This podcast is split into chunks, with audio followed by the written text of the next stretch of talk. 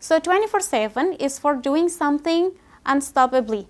Jadi uh, melakukan sesuatu dengan non-stop ya. Misalnya nih mikirin pacar 24 jam non-stop gitu.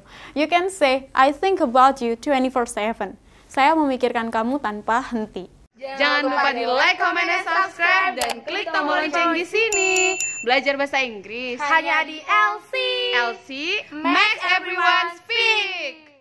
Hi LCers, meet again with me, Miss Eka, only in our beloved channel, Kampung Inggris LC. Today, we're gonna learn about American slang. Jadi buat teman-teman nih yang punya cita-cita mau ke Amerika atau doyan banget liburan ke Amerika, you should know this kind of slang words ya. Jadi biar teman-teman nggak ketinggalan zaman di sana atau bisa bahasa gaulnya orang Amerika, teman-teman harus hafalin dulu nih 5 kata atau bahasa slangnya alias bahasa gaulnya mereka yang biasanya dipakai di Amerika. The first one, we have cheesy. Nah, jadi kalau di makanan mungkin cheesy itu adalah makanan yang banyak kejunya ya kan. Tapi kalau di barang lain selain makanan, kita bisa bilang cheesy untuk mengungkapkan cheap atau murah.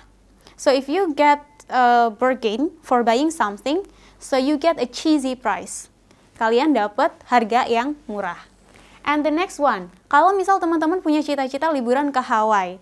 Nah, ini adalah kosakata yang biasanya sering banget dipakai di Hawaii if you want to say yes or sure. Jadi ada kata shoots. Nah, shoots ini hanya dipakai di Hawaii biasanya. Jadi kalau teman-teman misal nih ditanyain pendapat, um, do you want to drink some coffee? You can say shoots. It means sure. And the next one, we have 24/7. So 24/7 is for doing something unstoppably. Jadi uh, melakukan sesuatu dengan non-stop ya. Misalnya nih mikirin pacar 24 jam non-stop gitu. You can say I think about you 24/7. Saya memikirkan kamu tanpa henti. And the next one is score. Score it means achieve something gitu. Jadi score itu tidak hanya untuk kata nilai, tapi ketika teman-teman mendapatkan sesuatu ya, misalnya suatu penghargaan, So you can say score. And the next one is my bad.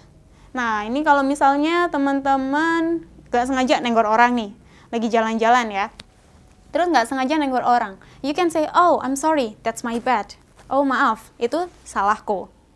Nah, sekarang gimana teman-teman? Setelah mengetahui kelima American slang ini, are you ready to go to America?